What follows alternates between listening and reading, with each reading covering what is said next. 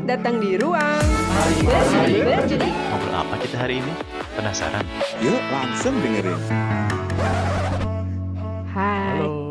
Lagi dengan kami di podcast Mari Berjudi. Yes. Apa kabar teman-teman? Dan baik semua ya. Sudah lama nih kita di rumah aja, ya nggak sih? Yoi, udah mulai bosen nih. Karena pemerintah juga tetapkan kita untuk melakukan jarak sosial atau jarak fisik. Bahasa kerennya social distancing ya. Tapi sekarang lebih tepatnya physical distancing kayaknya ya. Kalau kamu gimana Kak Cici sebagai warga urban?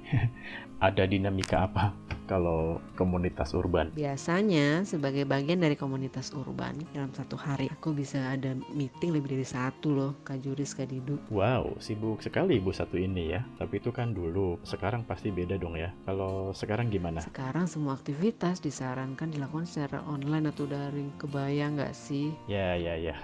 Kebayang-kebayang. Pasti agak sedikit banyak mengganggu kejiwaan ya. Kayaknya banyak yang mulai terguncang nih kejiwaannya. Nah, tentu perubahan semacam ini tidak mudah untuk sebagian dari kita. Betul, betul, betul. Apalagi yang uh, kebiasaan ketemu banyak orang ya. Energinya pasti akan berbeda sekali. Jadi kita mau ngobrol apa nih hari ini? Jadi, kali ini kami bertiga mengundang seorang psikolog nih. Siapa-siapa? Yaudah langsung aja. Kak Judis, Kak Cici, ambil alih silahkan. Halo, Kak. Halo, halo. Perkenalkan diri dong. Pekerjaannya apa dan sekarang sedang aktif di mana aja? Wah, terima kasih ya udah diajakin untuk bikin podcast. Saya Venus, biasanya kerja menangani aspek kesehatan mental dan psikososial dalam kebencanaan. Biasanya di situ kita memberikan psikoedukasi dan konseling individual, kemudian juga mendorong kembali keguyupan masyarakat yang terinterupsi pada saat bencana. Selain itu, kadang-kadang saya juga kasih workshop terkait kesehatan mental bagi perusahaan, organisasi, atau komunitas yang membutuhkan. Sebagai seorang psikolog, gimana nih tanggapan terhadap situasi pandemi COVID-19? Apalagi kan ada anjuran untuk di rumah saja saat ini. Udah minggu kesekian nih, gimana nih tanggapannya? Nah ini nih, semakin ke sini saya sih lihat makin banyak yang kesadaran tentang kesehatan mentalnya makin tinggi. Selain kesehatan fisik tentunya ya. Dalam situasi pandemi COVID-19 ini, tentu saja semua aspek kehidupan kita terdampak, termasuk kesehatan mental kita. Secara tiba-tiba kehidupan dan rutinitas kita harus berubah. Secara tiba-tiba berbagai prinsip hidup kita harus dilakukan penyesuaian. Pada sebagian masyarakat secara tiba-tiba sumber penghasilan berubah. Secara mendadak kegiatan-kegiatan yang biasanya bisa membantu kita menjaga kebahagiaan tidak bisa kita lakukan lagi. Situasi-situasi ini tentunya menjadi sumber stres atau stresor baru bagi kita. Akan tetapi sebetulnya kita masih bisa melakukan banyak hal untuk menjaga ketenangan hati. Ketenangan hati ini akan menurunkan tingkat stres kita dan kalau tingkat stres kita tidak terlalu tinggi, maka stamina dan imun kita juga jadi lebih terjaga. Nah, untuk mengurangi risiko penularan dan mengurangi overload pada layanan kesehatan, dianjurkan untuk pada tinggal di rumah aja.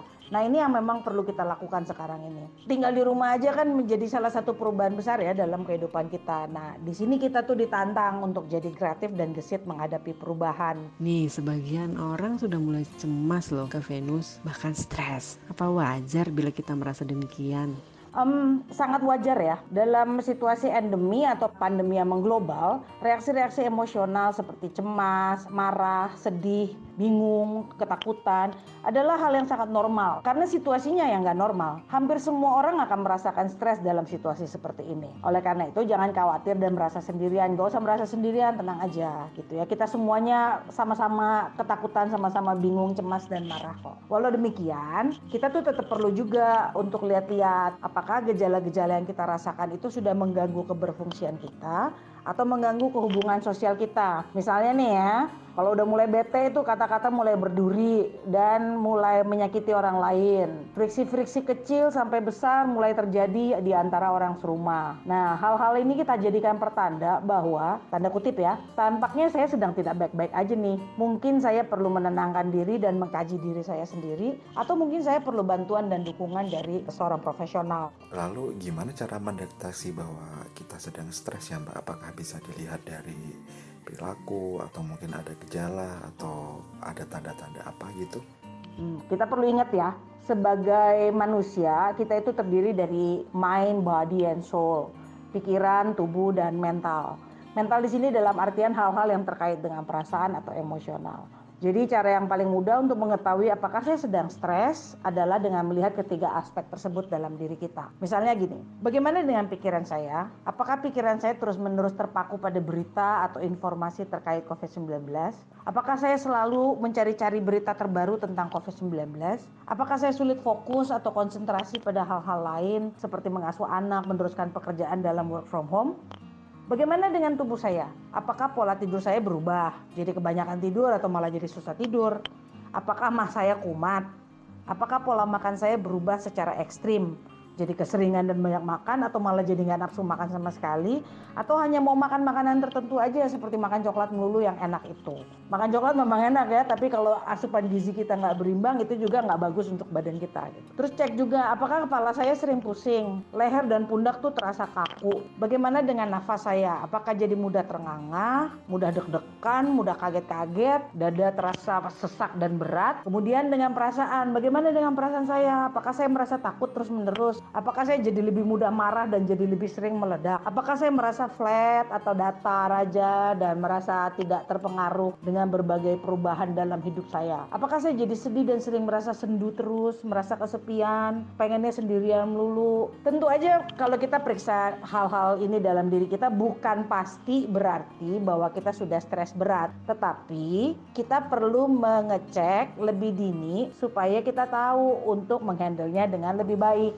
Terus apa dampaknya bila stres terus terjadi tapi kita nggak tahu atau kita abaikan? Nah, stres itu ada beberapa jenis. Salah satunya adalah stres yang bersifat akumulatif. Stres yang akumulatif ini terjadi kalau kita melakukan pengabaian-pengabaian pada stres-stres yang kita alami sehari-hari. Sama seperti gangguan-gangguan mental lain yang diabaikan, maka stres yang terakumulasi juga akan menjadi bom waktu yang akan meledak pada waktu yang tidak kita sangka-sangka. Nah jadi hati-hati. Kadang-kadang sering kita ah kayak gini aja stres, udah, biarin aja, bentar juga lewat. Semua orang juga stres. Tapi tanpa mencoba memvalidasi bahwa ya saya sedang stres, saya sedang tidak tidak baik-baik aja gitu. Gimana cara mengatasinya dengan tetap di rumah aja? Apakah ada tips dan trik khusus atau ada sesuatu yang bisa dikerjakan untuk mengatasinya atau mungkin ada cara-cara lain, Mbak? Uh, walau di rumah aja, kita tetap bisa kreatif loh untuk jaga kesehatan mental kita ya. Yang pertama sekali dan sangat penting, kita itu coba menetapkan rutinitas baru dalam keseharian rutinitas lama yang masih bisa dikerjakan ya tetap dilakukan seperti bangun pagi, mandi, jadwal makan, jam kerja, jam tidur malam dan lain-lain. Kemudian kita juga bisa berolahraga. Nah ini saya lagi senang nih, saya mau berbagi bahwa saya lagi senang-senangnya niru selama di rumah saja ini saya lagi senang niru dance-dance hip hop ala TikTok gitu. Cuman sebentar-sebentar aja cuma 15 menitan satu satu video klip itu saya ulang-ulang sampai 10 menit 15 menit gitu. Tapi seru. Saya memang bukan ahli fitness ya jadi nggak tahu juga gerakan-gerakan apa yang diperlukan. Tetapi yang saya rasain, yang saya alamin, kalau nari-nari nggak jelas niruin tiktokan kayak gitu, bikin saya jadi nyinggir-nyinggir sendiri. Saya pikir ya lumayan lah kalau 15 menitan saya melakukan gerakan-gerakan yang fun tersebut. Kali aja hormon endorfin atau hormon happy saya jadi meluncur, muncrat di otak dan bisa membantu mood saya jadi baik sampai beberapa jam kemudian. Untuk yang punya anak kecil juga bisa menerapkan rutinitas baru untuk gerak badan dengan si kecil. Banyak YouTube-YouTube yang menyediakan contoh-contoh gerak badan untuk dewasa atau untuk bersama keluarga. Terus temukan dan kembangkan sisi seniman kita. Nah, ini juga seru nih. Yang suka gambar bisa mulai banyak berkreasi atau uh, mulai coba-coba dengan pakai aplikasi gambar kan udah mulai banyak ya sekarang segala sesuatu sudah langsung digital gitu. Banyak sekali uh, aplikasi melukis, aplikasi mewarnai, aplikasi membuat sketsa, pelajaran membuat sketsa. Nah, itu tuh bisa kita jadikan salah satu kegiatan untuk dilakukan lakukan di dalam rumah. Atau latihan olah vokal yang suka nyanyi latihan alat musik. Kalau mau kita juga bisa tuh kayak orang-orang Italia yang saling kompak nyanyi di balkon masing-masing untuk saling menghibur dan menjaga kontak. Kalau punya wakli apa WhatsApp grup lingkungan bisa janjian kapan membuat pertunjukan bersama tapi di halaman rumah masing-masing gitu. Atau pakai aplikasi Zoom untuk ngeband on ngeband online bareng dengan teman-teman. Bikin prakarya sama anak-anak ya.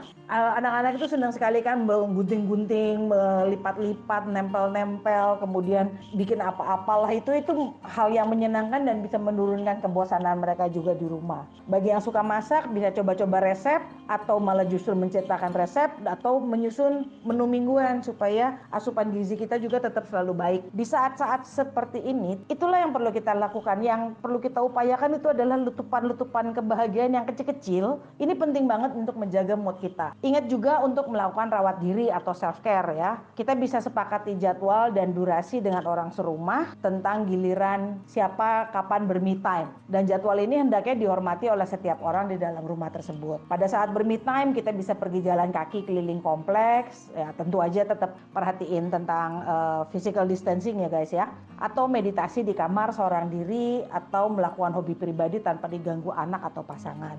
Kurangi dan jadwalkan juga melihat medsos dan berita. Swear deh ya. Medsos itu bermanfaat banget untuk kita menjaga hubungan dengan orang-orang terdekat kita, dengan rekan kerja dan lain sebagainya. Tetapi dia juga bisa berdampak buruk karena medsos dan berita-berita itu kan berperan besar banget dalam menggaungkan kebingungan dan kebingungan itu akan mengantar kita pada kecemasan. Nah, oleh karena itu yang bisa kita lakukan adalah kita membatasi asupan berita dan info dari keduanya, dari media sosial maupun media. Infodemik atau kesimpang siuran informasi selalu terjadi pada saat endemi dan pandemi atau situasi genting lainnya. Infodemik ini bisa membuat kita bingung memilih apa dan siapa yang perlu kita percaya. Kita belum sempat mencerna suatu informasi, tiba-tiba sudah datang update atau berita terkini yang baru lagi. Infodemik ini seperti gelombang tsunami. Namanya namanya gelombang tsunami isinya kan macam-macam. Ada air di situ, ada sampah, ada pasir, ada orang hanyut, ada korban meninggal, batang pohon dan lain sebagainya. Sama dengan gelombang tsunami, kalau infodemik ini pun isinya macam-macam. Ada hal yang berguna bagi kita, ada hal yang nggak berguna atau bahkan membahayakan bagi kita. Organ otak kita itu bisa kelelahan kalau diserbu oleh tsunami informasi ini. Nah, untuk menjaga supaya organ kita ini nggak terlalu lelah, maka kita sendiri yang perlu membatasi asupan yang diterima oleh otak kita lewat cara membatasi diri melihat berita dan bermedsos. Satu lagi yang penting nih, saya sering menyebutnya ini sebagai jadwal dalam tanda kutip jadwal khawatir. Dalam masa seperti ini kan kekhawatiran-kekhawatiran pasti muncul dalam pikiran kita. Kemunculannya dan bisa terjadi kapan aja dan itu bisa sangat mengganggu. Nggak usah kita berusaha untuk menstop atau melarang diri kita atau kita melarang orang lain untuk khawatir. Haram hukumnya untuk bilang jangan dipikirin, jangan dipikirin. Nggak bisa, itu pasti akan mikir terus, akan tiba-tiba muncul di kepala kita kita. Jadi percuma saja melarang diri kita dan melarang orang lain untuk tidak khawatir. Yang bisa kita lakukan adalah setiap kali pikiran was-was atau pikiran atau kekhawatiran itu muncul, maka kita catat hal tersebut di sebuah notas gitu ya. Kita bikin daftarnya. Kemudian kita tetapkan waktu setiap hari untuk mereview daftar tersebut. Sekitar 15 sampai 30 menit khusus untuk membaca dan mereview daftar kekhawatiran kita ini. Baiknya sih dilakukan siang atau sore hari, jangan pagi, apalagi jangan malam jelang menjelang tidur, nanti malah nggak bisa tidur ya. Nah kita tuh mesti disiplin untuk mematuhi waktu yang sudah kita tetapkan. Misalkan kita menetapkan 30 menit untuk jadwal khawatir. Nah, di situlah kita membaca atau mereview topik-topik kekhawatiran yang muncul sebelumnya. Contoh contoh soalnya kayak gini nih misalnya. Misalkan saya lagi masak nih gitu ya. Saya lagi masak tapi lalu muncul pikiran, waduh kalau pandemi ini berlangsung berbulan-bulan saya bisa gila di rumah melulu, nggak ada keluar nongkrong, nggak ke bioskop, nggak karaokean, kehidupan sosial anak-anak nanti bagaimana kalau nggak bisa main dengan teman sebayanya dan lain sebagainya sebagainya. Nah, sesegera mungkin kita catat tuh kekhawatiran ini di, di notas di, di buku catatan kita. Nah, nanti lalu pada saatnya jadwal khawatir itu sudah datang, sudah mulai jadwalnya yang sudah kita tetapkan, kita tengok lagi daftar khawatir itu. Nah, pada saat mereview daftar khawatir ini, kita pilih-pilih hal mana yang bisa kita kontrol dan hal apa yang bisa kita lakukan. Banyak hal-hal di dunia ini, di hidup ini yang tidak bisa kita kontrol dan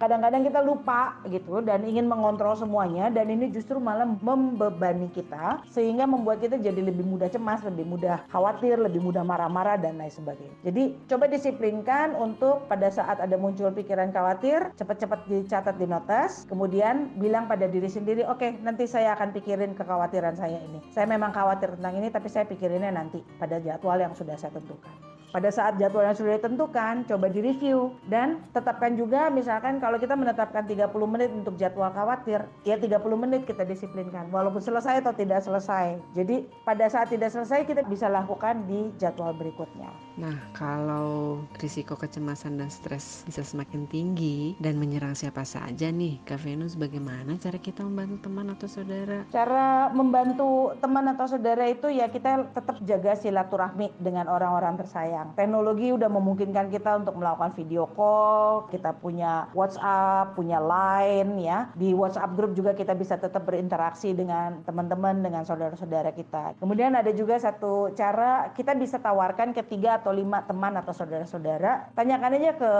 orang-orang tersebut, ada nggak yang mau saya tanyakan kabarnya setiap hari? Jangan banyak-banyak, nanti kita sendiri yang kelelahan. Sekitar tiga atau lima kayaknya sih oke okay lah ya. Misalkan tiap-tiap jam 10 pagi itu kita tanya, eh hari ini ngapain? Hari ini kabarnya seperti apa? Itu bisa berpengaruh besar sekali pada orang-orang yang cenderung loner ya. Bukan cuma cenderung loner sih, tapi bagi orang-orang itu ditanyakan oleh orang lain merupakan sebuah bentuk perhatian yang manis dan itu akan berdampak baik bagi seseorang. Kemudian be kind, be kind, be kind. Saya bilang be kind itu sampai tiga kali karena ini adalah momen yang tepat untuk melatih diri kita berperilaku lemah lembut pada orang lain. Di seluruh jagat raya ini manusia sedang bingung dan tegang karena si pandemi ini. Emosi dan virus itu ada kesamaannya. Mereka sama-sama bersifat menular. Bila kita marah, kasar, atau tidak peduli pada orang lain, maka perilaku ini akan cepat sekali menular. Orang yang kita marahi, kita kasari atau kita cuek cuekin maupun orang yang menyaksikannya akan merasakan getaran gak nyaman dan kemungkinan akan tercermin dalam raut wajah dan intonasi mereka juga. Orang yang melihat raut wajah dan intonasi negatif cenderung meresponnya dengan raut wajah dan intonasi yang negatif juga. Contoh kecil ya, kita pasti pernah bertengkar atau berantem dengan seseorang. Pada saat kita melontarkan kata-kata kemarahan dengan muka yang mau meledak seperti itu, biasanya lawan bicara kita juga akan berwajah kencang dan tegang kan? Biasanya orang pada saat kita bermuka tegang, mereka akan juga menampilkan raut muka yang tegang, bukan cengengesan atau ketawa-ketawa nggak jelas. Nah, hal seperti ini itu penularannya sebegitu cepatnya, ya. Demikian juga saat kita melontarkan kata-kata yang happy, ya kata-kata yang lucu, menghibur dan menyenangkan. Maka orang yang mendengar atau menyaksikan juga cenderung akan merasa happy. Ingat juga dalam perasaan bahagia, hormon-hormon bahagia juga ikut mengalir tuh di otak tuh, dan ini akan meningkatkan sistem imun kita. Bayangkan kalau misalnya kita semua harus menghadapi pandemi psikologis orang marah-marah. Seluruh dunia semua bawaannya marah-marah, bawaannya tegang, bawaannya kenceng-kencengan gitu. Itu akan menjadi sebuah lingkungan yang tidak menyenangkan dan melelahkan sekali untuk hidup. Nah, jadi kita bisa punya kontrol terhadap ekspresi kita. Itulah yang bisa kita lakukan. Kita nggak bisa mengontrol reaksi orang lain, tetapi kita bisa mengontrol reaksi kita sendiri. Kalau misalkan si pandemi yang psikologis ini juga terjadi, apa nggak capek nih kita ya? Oh, yang pandemi virus aja belum kelar, terus udah tambah ada tambahan baru PR pandemi psikologis capek deh gitu. lalu kapan nih kita harus minta tolong ke profesional apakah harus nunggu parah dulu atau kita bisa akses diri sendiri kapan titik mana gitu kita harus benar-benar cari pertolongan psikolog misalkan kalau kita sudah benar-benar merasa kewalahan, sudah merasa nggak mampu melakukan kegiatan sehari-hari, atau kalau pikiran dan dorongan terkait melukai diri sendiri atau self harm, atau dorongan atau pikiran tentang bunuh diri mulai muncul dan menguasai pikiran kita, atau kalau perilaku seseorang sudah membahayakan dirinya atau lingkungannya. Nah, ini tuh tanda-tanda keras banget bahwa kita atau mungkin orang yang yang sempat kita lihat, orang yang kita sayangi itu sudah perlu mencari bantuan profesional. Bisa ke psikiater atau ke psikolog ya karena ini memang lebih baik ditangani oleh seorang profesional. Terus bagaimana ya caranya kita meminta bantuan? Sekarang ini sudah ada layanan jiwa di puskesmas-puskesmas tertentu. Bila tidak bisa ditangani di tingkat puskesmas, maka akan dirujuk ke layanan lain yang mungkin punya tenaga ahli. Selain itu, sekarang juga banyak psikolog dan klinik kesehatan mental yang membuka jalur konseling online, layanan life coach dengan menggunakan aplikasi online. Sejauh ini yang saya lihat mereka bersuka rela alias gratis untuk kasus-kasus terkait COVID-19. Ada juga aplikasi-aplikasi konseling yang bisa diunduh, ada yang gratis, ada yang berbayar. Tapi kayaknya untuk aplikasi konseling yang tersedia masih berbahasa Inggris Inggris. Oke Mbak, pesan terakhir untuk pendengar podcast Mari Berjudi, apa nih yang bisa kita lakukan di tengah situasi wabah, pandemi, dan ketidakpastian ini? Selain hal-hal yang sudah saya sebutkan di atas, mohon izin ya, saya mau klise dikit Cobalah untuk menebarkan kelucuan dan kegembiraan. Pendeknya, tunjukkanlah kepositifan ya. Percayakan keputusan-keputusan besar pada ahli yang kita percayai, seperti ahli kesehatan masyarakat, epidemiologis, ahli ekonomi, ahli medis, ahli psikologi, dan lain sebagainya. Benar sih, di antara ahli-ahli ini pun banyak juga yang nggak satu suara. Tetapi di saat seperti ini, janganlah kita mencoba ikut-ikutan jadi ahli yang bukan bidang kita. Kita coba cari ahli atau pilih ahli yang menurut kita punya track record baik dan coba ikuti anjurannya secara kritis. Jangan membabi buta juga. Kita tetap dengarkan, kita lihat dan kita kritisi. Yang penting adalah kita lakukan apa yang bisa kita lakukan. Selebihnya kita serahkan kepercayaan dan sedikit kuasa kita pada orang yang ahli di bidangnya. Oh, mantap sekali ini penjelasan dari Kak Venus. Terima kasih banyak ya. Hari ini belajar banyak nih tentang kejiwaan dan psikologi. Thank you juga Kak Cici dan Kak Julis yang sudah melemparkan pertanyaan-pertanyaan untuk Kak Venus. Mudah-mudahan berguna karena ini masih dalam rangka physical distancing. Jadi kita masih di rumah masing-masing rekamannya. Mudah-mudahan kita bisa ketemu lagi nanti rekaman bareng-bareng lagi, tapping ketemu langsung lagi dan semuanya bisa kembali normal lagi ya. Oke, terima kasih sudah mendengarkan episode kali ini. Uh, mudah-mudahan kita bisa jumpa lagi di episode reguler lainnya dan kalau ada saran masukan boleh langsung DM aja di Instagram Mari Berjudi at Mari Berjudi ya. Nanti kita akan coba uh, lihat mana yang memungkinkan untuk uh, kita angkat sebagai topik. Kita aja gengs, tetap sehat, tetap di rumah dulu, jangan ke mana-mana, gak usah mudik dulu, cuci tangan, jaga kebersihan, jaga kesehatan, dan jangan lupa tetap waras ya. Dah.